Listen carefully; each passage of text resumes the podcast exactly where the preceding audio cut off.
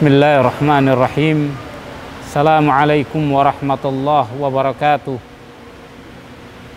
Innal hamdalillah nahmaduhu wa nasta'inuhu wa nastaghfiruh wa na'udzu billahi min shururi anfusina wa sayyiati a'malina. May yahdihillahu fala mudhillalah wa may yudlil fala hadiyalah. Ashhadu an la ilaha illallah wahdahu la syarikalah wa ashhadu anna muhammadan abduhu wa rasuluh la nabiyya ba'dah salawatullah wa salamuhu alaihi wa ala alihi wa ashabihi wa man tabi'ahum bi ihsanin ila yaumil qiyamah amma ba'd Allah mengatakan wa ma khalaqtul jinna wal insa wa ma khalaqtul jinna wal insa illa liya'budun Tidaklah aku ciptakan jin dan manusia kecuali hanya untuk beribadah kepadaku. Maka ibadah kepada Allah Subhanahu wa taala hakikatnya adalah kemuliaan daripada seorang hamba dan ibadah kepada Allah Subhanahu wa taala adalah tanda kebahagiaan seorang hamba di dunia ini dan juga di di akhirat. Maka dari itu Nabi kita Muhammad sallallahu alaihi wasallam tidaklah menjadikan beliau bangga dengan beliau dijadikan oleh Allah Subhanahu wa taala sebagai sayyid waladi Adam sebagai pemimpin daripada anaknya Adam tapi yang menjadi bangga dari beliau adalah ketika beliau dijadikan hamba Allah dan Rasulnya. Makanya Rasulullah Shallallahu Alaihi Wasallam menyatakan ana sayyidu waladi Adam wala fakhr aku adalah sayyid pimpinan daripada anaknya Adam wala fakhr dan tidak ada kebanggaan. Inama ana abdullah faqulu abdullah wa rasul hanya saja aku itu adalah hamba Allah. Maka katakanlah hamba Allah dan rasulnya. Ketika Rasul Shallallahu Alaihi Wasallam diminta oleh Allah untuk memilih apakah mau menjadi malikan Rasulah atau menjadi abdan Rasulah seorang raja dan rasul atau menjadi seorang hamba dan rasul. Maka beliau mengatakan memilih untuk menjadi Abdullah wa Rasul. Karena pilihan menjadi hamba Allah dan Rasulnya di situlah letak kemuliaan seorang hamba dan tingginya derajat seorang hamba di sisi Allah Subhanahu wa taala ketika ia benar-benar menjadi hambanya Allah Subhanahu wa taala. Maka perlu kita ketahui bersama bahwasannya kita sebagai hamba Allah Subhanahu wa taala tidak pernah bisa lepas daripada ibadah kepada Allah Subhanahu wa taala. Karena ibadah kepada Allah Subhanahu wa taala adalah kebutuhan kita kitalah yang butuh terhadap beribadah kepada Allah Subhanahu wa taala. Karena kita ingin mendapatkan sesuatu yang kita inginkan dari sisi Allah Subhanahu wa taala. Maka dari itu kita membutuhkan ibadah kepada Allah Subhanahu wa taala. Di dalam kehidupan kita, kita tidak pernah bisa lepas daripada ibadah kepada Allah. Adapun Allah Subhanahu wa taala sungguh Allah Subhanahu wa taala tidak membutuhkan ibadah kita. Allah tidak membutuhkan ibadah kita. Dan kitalah yang butuh untuk beribadah kepada Allah karena kita mempunyai harapan, karena kita mempunyai keinginan dari Allah Subhanahu wa taala.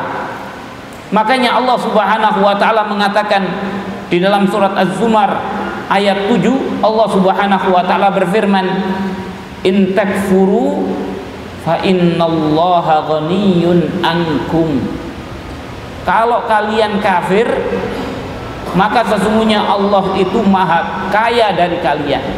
Maha tidak butuh daripada kalian.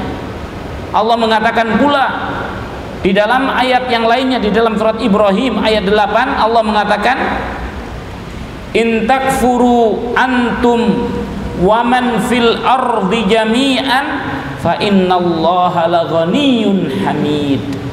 Katanya Allah Subhanahu wa taala kalau kalian kafir dan orang-orang yang ada di muka bumi ini semuanya kafir fa innallaha laghaniyyun hamid. Maka sesungguhnya Allah benar-benar maha tidak butuh dan Allah maha terpuji lagi maha terpuji. Makanya ibadah hakikatnya di dalam ibadah ini kitalah yang butuh kepada Allah. Allah tidak membutuhkan ibadah ibadah kita. Makanya tidak ada seseorang bisa berbuat baik kepada Allah Subhanahu wa taala tidak ada seseorang bisa berbuat baik kepada Allah Subhanahu wa taala. Bahkan Allah Subhanahu wa taala mengatakan seandainya awwalakum wa akhirakum yang pertama dari kalian dan yang terakhir daripada kalian jinnukum wa insukum manusianya dan juga jinnya jinnya dan manusianya. Ala atqa qalbi ada di atas setakwa-takwanya hati seorang manusia. Mazada fi mulki syai'a. Tidak akan memberikan tambahan sedikit pun di dalam kekuasaanku. Yakni Allah Subhanahu wa taala menjadi raja bukan dikarenakan dijadikan oleh manusia raja dan Allah menjadi Tuhan bukan dikarenakan dijadikan oleh manusia Tuhan. Nah, tidak sama sekali menambah. Demikian pula sebaliknya ketika manusia dikatakan oleh Allah ala afjari kolbi rojul ada di dalam sejelek-jeleknya hati seorang manusia maka tidak akan menambahi sedikit pun atau mengurangi sedikit pun di dalam kekuasaan Allah sedikit pun maka itulah Tuhan kita. Maka ibadah hakikatnya adalah hakun lillah. Ibadah itu haknya siapa? Allah. Haknya Allah. Manusia harus beribadah kepada Allah. Tapi faedah daripada ibadah itu ta'udu ila ilal ibad faedah daripada ibadah itu kembali kepada kepada manusia itu sendiri kepada hamba itu sendiri. Maka dari sini kita bisa menyimpulkan bahwasannya barang siapa yang menolak untuk beribadah kepada Allah Subhanahu wa taala tidak mau beribadah maka dia adalah orang yang sombong Orang yang tidak mau beribadah kepada Allah Dialah orang yang Yang sombong Orang yang sombong itu adalah orang yang tidak mau menghamba kepada Allah Subhanahu wa taala. Allah menciptakan dia. Allah memberikan dia rezeki, Allah memberikan dia segala apa yang ia butuhkan, bahkan Allah yang menghidupkan dia.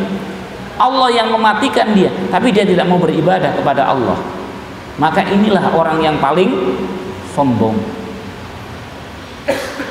Dan kalau ada orang yang mau beribadah kepada Allah tapi juga mau beribadah kepada selain Allah maka itulah orang musyrik. Mau menyembah Allah saya mau menyembah Allah tapi biarkan saya nyembah juga selain Allah. Maka itulah orang musyrik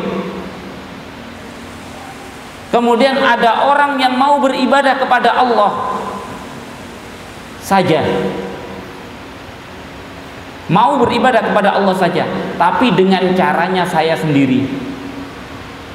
Itulah orang ahlul bid'ah. tidak mau dengan cara yang disyariatkan oleh Allah atau bukan dengan cara yang disyariatkan oleh Allah itulah caranya orang ahlul bid'ah dan yang terakhir adalah orang yang menyembah kepada Allah dengan apa yang disyariatkan oleh Allah maka itulah orang mukmin yang muwahhid Orang mukmin yang muwahhid adalah orang yang beribadah kepada Allah dengan sesuatu yang hanya menyembah kepada Allah semata dan dengan sesuatu yang disyariatkan oleh Allah Subhanahu wa taala semata. Maka di sini yang kita ingin bahas adalah tentang masalah ibadah ini. Sebagaimana yang kita ketahui bahwasannya hamba ini sangat memerlukan kepada yang namanya ibadah dan ibadah kepada Allah Subhanahu wa taala tidak mungkin hamba-hamba ini mengetahui cara beribadah kepada Allah Subhanahu wa taala dari diri mereka sendiri tidak mungkin. Karena hakikat daripada ibadah tidak mungkin diketahui. Karena ibadah itu adalah sesuatu yang berkaitan dengan keridhaan Allah. Sesuatu yang berkaitan dengan agama dan syariat yang diajarkan oleh Allah Subhanahu wa taala maka dari itu Allah Subhanahu wa taala tidak menyerahkan permasalahan di dalam masalah ibadah ini kepada manusia tapi Allah Subhanahu wa taala bertanggung jawab untuk menjelaskan kepada manusia tentang bagaimana cara ibadah yang dikehendaki oleh Allah Subhanahu wa taala. Maka dari itu Allah Subhanahu wa taala mengutus para rasul. Allah Subhanahu wa taala menurunkan kitab-kitab yang fungsi daripada rasul dan kitab-kitab itu dalam rangka menjelaskan hakikat daripada ibadah yang dikehendaki oleh Allah Subhanahu wa taala dan ibadah yang diinginkan oleh Allah dan yang diridhoi oleh Allah Subhanahu wa taala dan ibadah yang dapat mendapatkan pahala dari sisi Allah Subhanahu wa taala. Maka itulah fungsinya. Daripada diutusnya para rasul diutusnya eh, diturunkannya kitab kitab-kitab. Sehingga manusia tidak sama sekali memiliki hak untuk membuat apa yang disebut dengan ibadah tidak ada hak manusia untuk membuat ibadah ibadah itu adalah haknya Allah Subhanahu wa taala.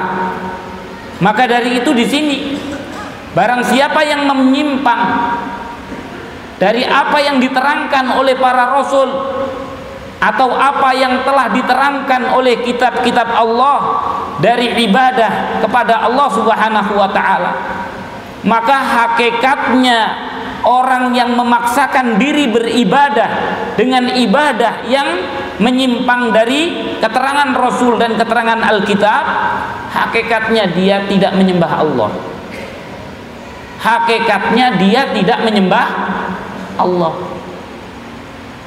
Kita lihat iblis. Laknatullah alaih di antara orang-orang yang menjadi pengikutnya iblis yang mengatakan iblis itu adalah abul muwahhid atau abu tauhid bapaknya tauhid itu adalah iblis katanya. Kenapa? Karena iblis tidak mau sujud kepada Adam. Malaikat musyrik. Kenapa? Karena malaikat sujud kepada Adam mereka bicara seperti itu. Malaikat sujud kepada Adam iblis tidak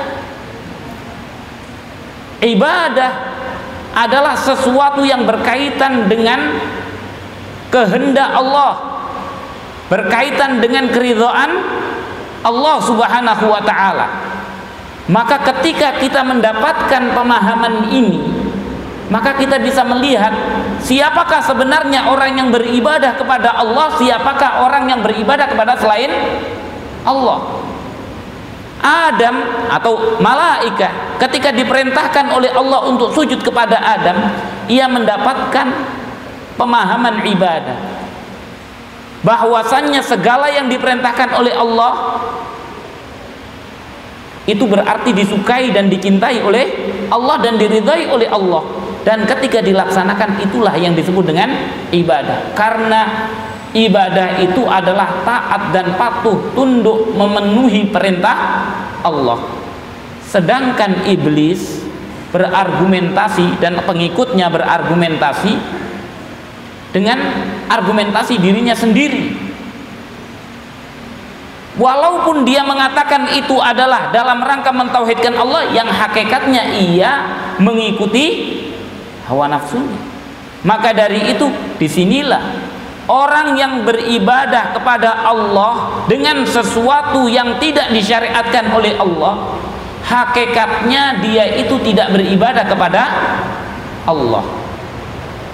Tapi beribadah kepada hawa nafsunya. Tapi beribadah kepada hawa nafsunya dan kepada apa yang dibagus-baguskan, dihias-hiaskan oleh syaitan dari kalangan jin dan manusianya, teman-temannya.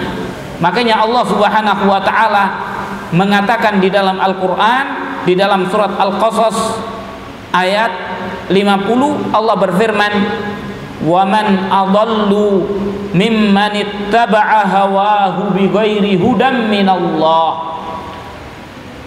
Kita perhatikan siapakah orang yang lebih sesat daripada orang yang mengikuti hawa nafsunya tanpa ada petunjuk dari Allah. Orang tetap ngotot berargumentasi bahwasannya saya di atas hak, di atas kebenaran berargumentasi. Maka Allah mengatakan, "Waman adallu?" Siapa yang lebih sesat dari orang yang mengikuti hawa nafsunya tanpa petunjuk dari Allah Subhanahu wa taala. Tidak ada petunjuk dari Allah Subhanahu wa taala. Dia katakan itu ibadah. Nah, bukan ibadah. Walaupun bentuknya mau dibentuk zikir, mau dibentuk apa pun bentuknya, kalau tidak ada syariatnya, bentuknya sholat, bentuknya puasa, bentuknya ini, dia niatkan untuk Allah tapi tidak ada syariat dari Allah Subhanahu wa taala dikatakan oleh Allah waman adallu mimman ittaba'a hawahu bighairi hudan minallah. Siapakah yang lebih sesat dari orang yang mengikuti hawa nafsunya tanpa ada petunjuk dari Allah Subhanahu wa taala. Ini bukan ibadah kepada Allah tapi ibadah kepada hawa nafsu. Dan jenis manusia yang seperti ini banyak di kalangan kita. Makanya yang paling utama adalah orang-orang Nasoro orang-orang Nasrani orang-orang Nasrani adalah orang-orang yang bisa jadi mereka itu jujur. Ingin beribadah kepada Allah. Makanya kita dapatkan mereka bisa nangis. Iya kan? Nangis ini dan lain sebagainya. Khusyuk mereka di dalam berdoa dan bermohon. Tapi hakikatnya mereka hanya mengikuti hawa nafsunya. Min bighairi hudam minallah. Tanpa petunjuk dari Allah Subhanahu wa taala. Makanya mereka itu disebut orang-orang dol. Orang-orang yang sesat. Karena mereka tidak berdasarkan atas pengetahuan ilmu dari Allah Subhanahu wa taala. Dan di kalangan kita yang mirip dengan mereka adalah orang-orang sufi. Kita melihat orang-orang sufi banyak menciptakan produk-produk ibadah. Padahal kita tahu ibadah itu haknya Allah hanya Allah yang berhak untuk diibadahi dan hanya Allah lah yang berhak untuk menentukan cara ibadah yang bagaimana. Manusia tidak punya hak karena ini berkaitan dengan keridhaan, berkaitan dengan keridhaan dan kecintaan Allah Subhanahu wa taala. Maka dari itu di sinilah kita penting untuk mempelajari tentang prinsip-prinsip dasar tentang masalah ibadah agar supaya di dalam jalan kita beribadah kepada Allah tidak keliru, tidak salah sehingga kita tidak sembarangan di dalam beribadah kepada Allah Subhanahu wa taala. Prinsip yang pertama yang harus kita pahami adalah bahwasannya ibadah itu adalah perkara yang tauqifiyah. Apa artinya tauqifiyah? Dari wakf wakaf itu berhenti yakni maksudnya adalah la majala lirra'yi fiha perkara yang tidak ada porsi padanya pendapat tidak ada porsi pendapat kenapa sholat subuh 4 rakaat eh 2 rakaat coba pikirkan kenapa tidak bisa Kenapa sholat kita itu ada ruku, ada sujud, ada ini, ada itu dan lain sebagainya? Kenapa bacaannya begini, bacanya? Ini perkara yang tidak bisa seseorang berpendapat. Itulah yang dikehendaki. Makanya ibadah itu adalah ketaatan mutlak. Apa yang diperintahkan itu kita taati, maka itulah ibadah. Makanya seseorang beribadah kepada Allah Subhanahu wa taala kalau dia tidak tahu apa hikmah dibalik daripada ibadah itu itu lebih baik. Sebab kalau ada hikmah yang dibalik itu dia tahu dia bisa jadi niatnya bercabang. Hitung-hitung olahraga. Ada orang sholat sholat itu menyehatkan sehingga banyak orang saya sholat. Kenapa sholat? Karena sholat itu menyehatkan. Akhirnya niatnya yang tadinya untuk Allah semata menjadi niat untuk keperluan dunia. Makanya yang paling baik orang beribadah kepada Allah itu adalah saya taunya ini diperintahkan oleh Allah. Begini cara Allah menghendaki saya makanya ketika dia sujud dia berupaya untuk totalitas Ketika dia sholat totalitas kepada Allah, ya Allah aku melaksanakan ini hanya demi memenuhi ketaatan kepada kepadamu. Tidak ada ingin kemudian uh, sehat. Kalau itu otomatis itu didapat atau tidak didapat kita tidak tidak mau tahu. Tapi yang perlu kita ketahui adalah ini diperintahkan oleh Allah apa tidak. Makanya itulah yang disebut dengan tauqifiyah. Makanya tidak boleh seseorang itu berijtihad di dalam masalah ibadah. Boleh tidak ijtihad di dalam masalah ibadah? Tidak boleh. Tidak boleh ijtihad. Makanya tidak bisa dikatakan ini pendapatnya ulama. Tidak ada tempatnya ulama untuk berpendapat di dalam masalah ibadah. Ketika seseorang membuat ajaran zikir sekian ratus atau sekian ribu kali ini ini, ini akan bermanfaat untuk ini. Apa haknya dia?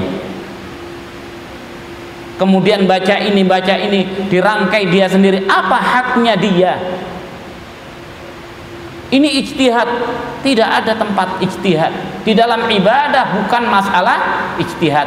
Ijtihad itu ada di dalam masalah hukum masalah hukum itu adalah ijtihad. Tapi tentang masalah ibadah pokok ibadah tidak ada ijtihad. Makanya orang yang berijtihad di dalam ibadah dia jatuh di dalam kebid'ahan. Yang kedua prinsip dasar ibadah itu adalah bahwasannya ibadah itu tidak bisa diterima oleh Allah Subhanahu wa taala kecuali orang yang beribadah itu harus memurnikan ibadah itu hanya untuk Allah semata. Bersih dari campuran-campuran kesyirikan. Yang namanya ibadah hanyalah murni untuk Allah. Allah mengatakan wa ma umiru illa liya'budullaha mukhlishina lahuddin tidaklah mereka itu diperintahkan kecuali hanya untuk beribadah kepada Allah semata. Begitu dicampuri dengan untuk selain Allah Allah itu paling pencemburu.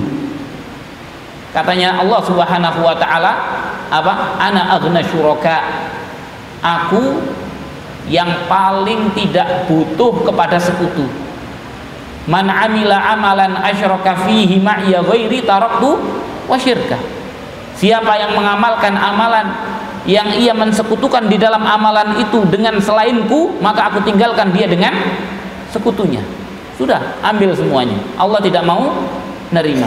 Allah hanya mau menerima dari kita yang murni. Yang murni hanya untuk Allah. Bisakah kita memurnikan ibadah kita untuk Allah Subhanahu wa taala Hah? bisa di dalam ucapan mudah tapi di dalam perbuatan susah makanya dikatakan oleh Ibnu Qudamah beliau mengatakan semua manusia ini celaka semua manusia itu celaka kecuali para ulama. Kecuali para ulama atau orang-orang yang berilmu. Semua orang yang berilmu juga celaka. Kecuali orang-orang yang mengamalkan ilmunya. Semua orang yang mengamalkan ilmunya juga celaka. Kecuali orang-orang yang ikhlas dan orang yang ikhlas itu setiap saat ia ada di dalam bahaya besar bahayanya apa setiap saat dia bisa tidak ikhlas. Bukankah kita mendapatkan diri kita datang ke masjid sholat Allahu Akbar? Begitu awalnya ikhlas di tengah-tengah ada banyak macam ini menjadi tidak tidak ikhlas. Makanya para ulama terdahulu mengatakan aku tidak bisa mengatakan keluar menuntut ilmu mencari hadisnya Rasul Shallallahu Alaihi Wasallam satu hari itu aku bisa ikhlas sepenuhnya. Kenapa? Karena ikhlas itu susah, berat, pasti ada godaan. Maka dari itu syaratnya ibadah seperti kita ketahui ibadah itu haruslah ikhlas lillahi taala. Kalau tidak seperti dikatakan oleh Allah Subhanahu wa taala lain asyrakta 'amaluka takunanna apabila engkau melakukan kesyirikan niscaya akan rontoklah amalmu dan niscaya engkau akan menjadi dari orang-orang yang merugi. Maka itulah konsep ibadah. Ibadah hanya bisa dengan keikhlasan kepada Allah Subhanahu wa taala semata barulah kita bisa mendapatkan faedah manfaat daripada ibadah kita. Yang ketiga prinsip ibadah itu ibadah itulah takunu atau ibadah itu hendaknya atau ayyakunal qudwah fil ibadah hendaknya yang menjadi panutan di dalam ibadah itu adalah Rasulullah cara praktek ibadah itu hanyalah bisa diambil dari Rasulullah. Hanya Rasulullah sajalah yang berhak untuk menjelaskan tentang masalah ibadah ini. Apa yang disyariatkan apa yang diajarkan. Makanya Allah Subhanahu wa taala mengatakan laqad kana lakum fi rasulillahi uswatun hasanah. Sungguh telah menjadi bagi kalian pada diri pribadi Rasulullah Shallallahu Alaihi Wasallam suri tauladan yang baik. Makanya Rasul Shallallahu Alaihi Wasallam mengatakan, man amila amalan walaisa alaihi amruna fahuwa raddun. Barang siapa yang mengamalkan amalan yang tidak ada perintahnya dari kami, maka amalan itu tertolak maka kita patut mencocokkan setiap ibadah yang kita lakukan dengan apa yang dilakukan oleh Rasulullah caranya sesuai dengan yang dilakukan oleh Rasul. Makanya Rasul mengatakan tentang sholat khudu katanya Rasul apa? Sallu kama ra'aitumuni usolli.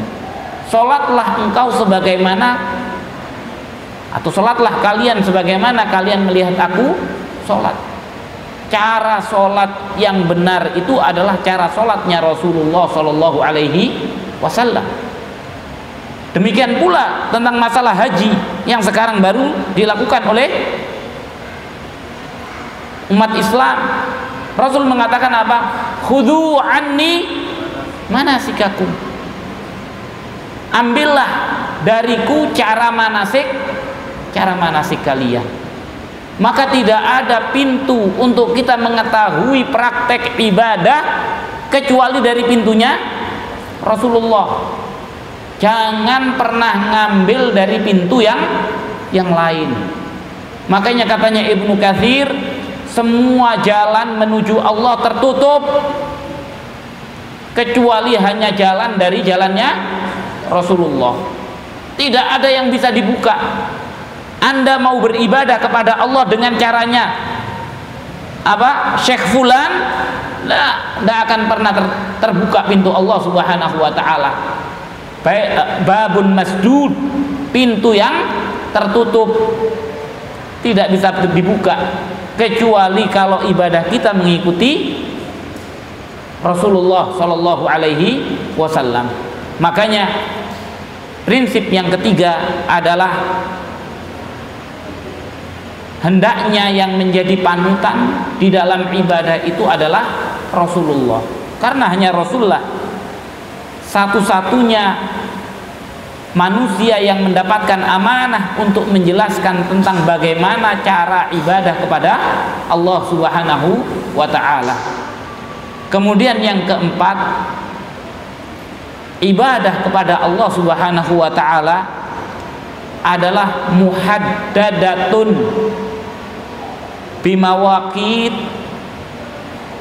wa maqadir. Wala yajuzu ta'addiha wa tajawuzuha bahwa ibadah kepada Allah Subhanahu wa taala itu dibatasi oleh waktu dan dibatasi oleh makodir, miqdar dengan ketentuan-ketentuan. Maka dari itu tidak diperbolehkan melampaui ketentuan-ketentuan tadi ketentuan waktu dan ketentuan jumlah bilangan dan lain sebagainya. Jangan ditambahi dan jangan dikurangi sesuai. Makanya kita melihat contohnya sholat. Bukankah sholat itu ada waktunya? Iya kan?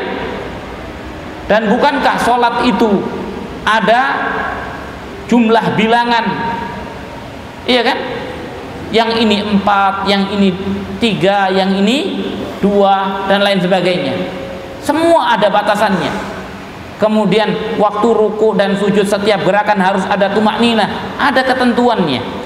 Semua ada makodir. Kemudian bacaannya. Yang heran dan luar biasa dari umat Islam ini adalah yang sekarang ini sukanya menambah. Suka sekali menambah dan menganggap itu adalah sesuatu yang lebih baik. Coba kita lihat lafat adzan. Dari zamannya Rasul Shallallahu Alaihi Wasallam adzan itu hanya dimulai dari Allahu Akbar dan berakhir dengan La ilaha illallah. Iya kan? Tapi sekarang lafat adzan itu dari Innallaha wa malaikatahu yusalluna 'alan nabi. Ada lagi Qul huwallahu ahad. Semua ini kalau ada orang yang adzan tidak pakai itu belum ngerti dia. Awam orang awam. Ini baru orang ini. Itulah yang terjadi. Sholatnya ditambahi dan lain sebagainya. Sampai bacaan-bacaan sholat juga di, ditambahi. Maka dari itu ini namanya ibadah kepada Allah atau ibadah kepada selain Allah.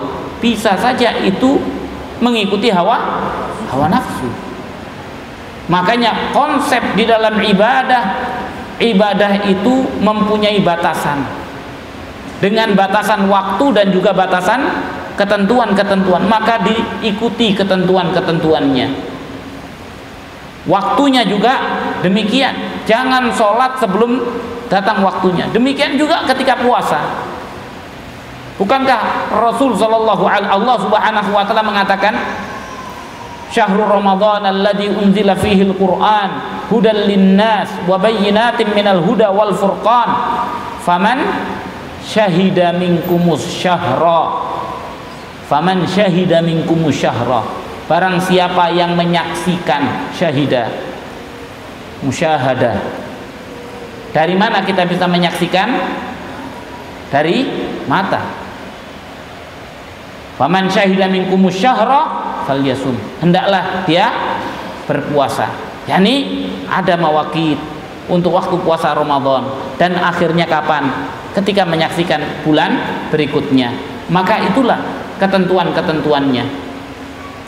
Ketentuan dan mawakitnya. Kemudian yang kelima adalah antakunal ibadah qa'imah ala mahabbatillah wa dhullillah wa khawfuhu wa raja wa khawfihi wa hendaknya ibadah itu dibangun di atas apa?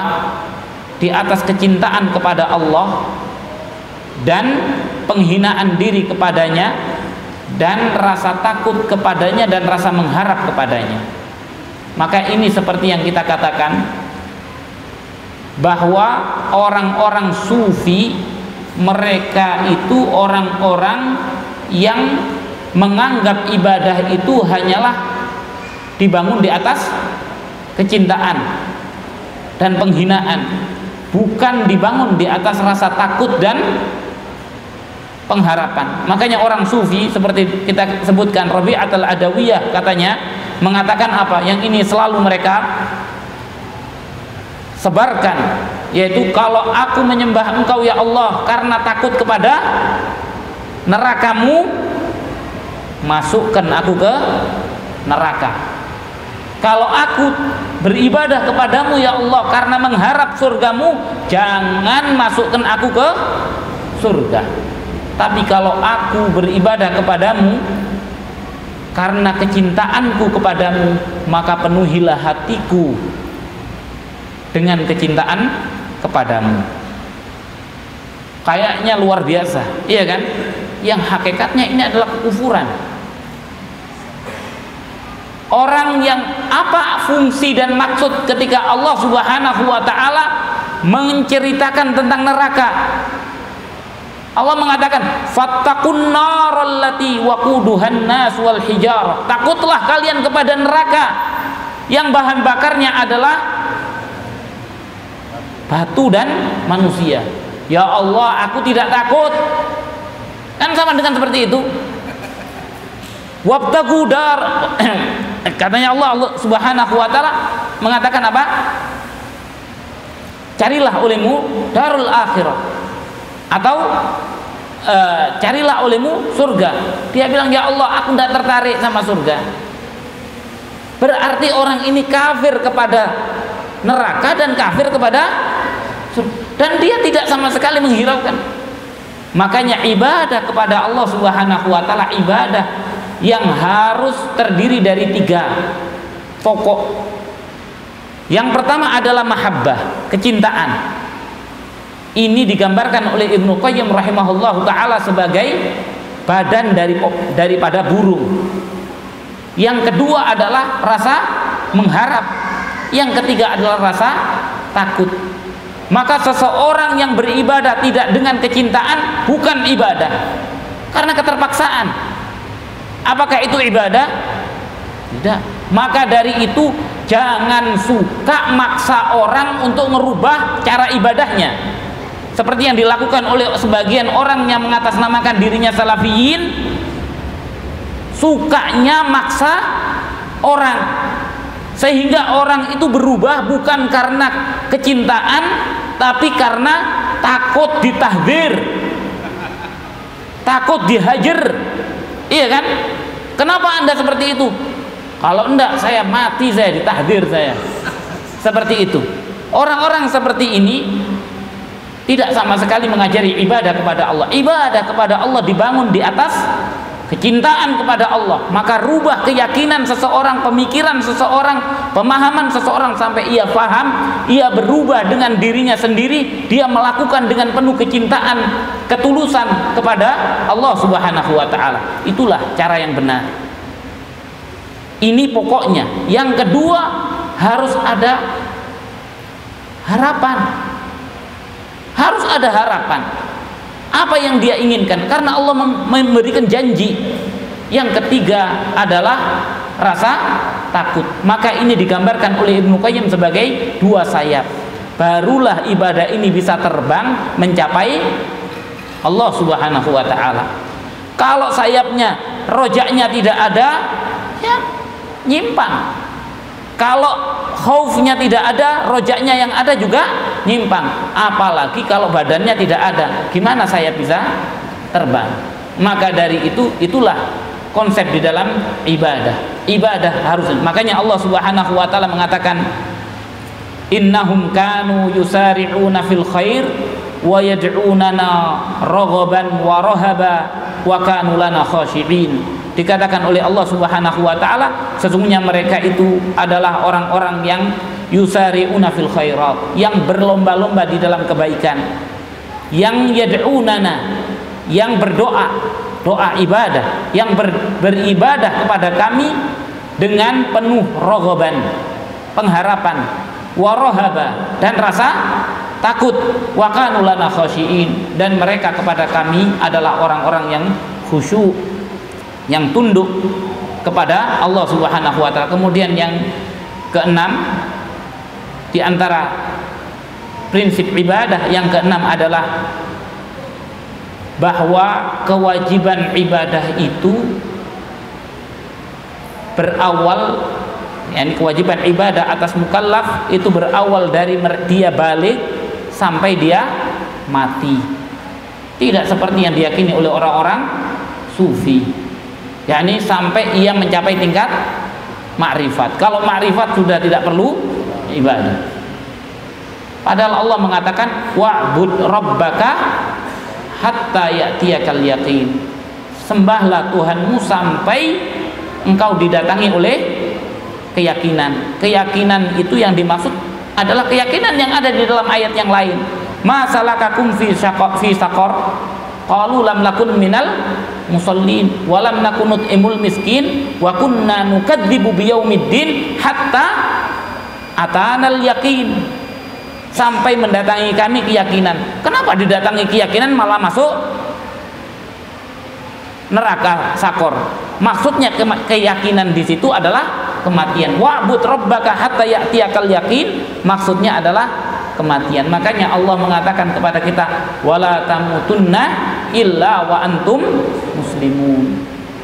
Janganlah kalian meninggal kecuali kalian dalam keadaan menjadi orang yang muslim tetap beribadah kepada Allah Subhanahu wa taala. Tidak ada tingkatan-tingkatan torekot yakni tingkatan e, syariat torekot kemudian makrifat hakikat kemudian makrifat. Maka itu semua tidak tidak ada. Ini adalah bid'ah yang dilakukan oleh orang-orang yang yang berupaya untuk menyesatkan kita dari agama Allah Subhanahu wa taala. Inilah enam prinsip dasar di dalam ibadah yang mudah-mudahan kalau kita memahami kita dapat beribadah kepada Allah dengan sebenar-benarnya ibadah dan ibadah kita dapat mendapatkan pahala di sisi Allah Subhanahu wa taala. Mungkin ini yang dapat kita sampaikan. Wabillahi taufik wal hidayah. Wa sallallahu wasallam ala nabiyyina Muhammadin wa alihi wa sahbihi ajma'in. Subhanakallahumma bihamdika asyhadu an la ilaha illa anta astaghfiruka wa atubu ilaik. Assalamualaikum warahmatullahi wabarakatuh.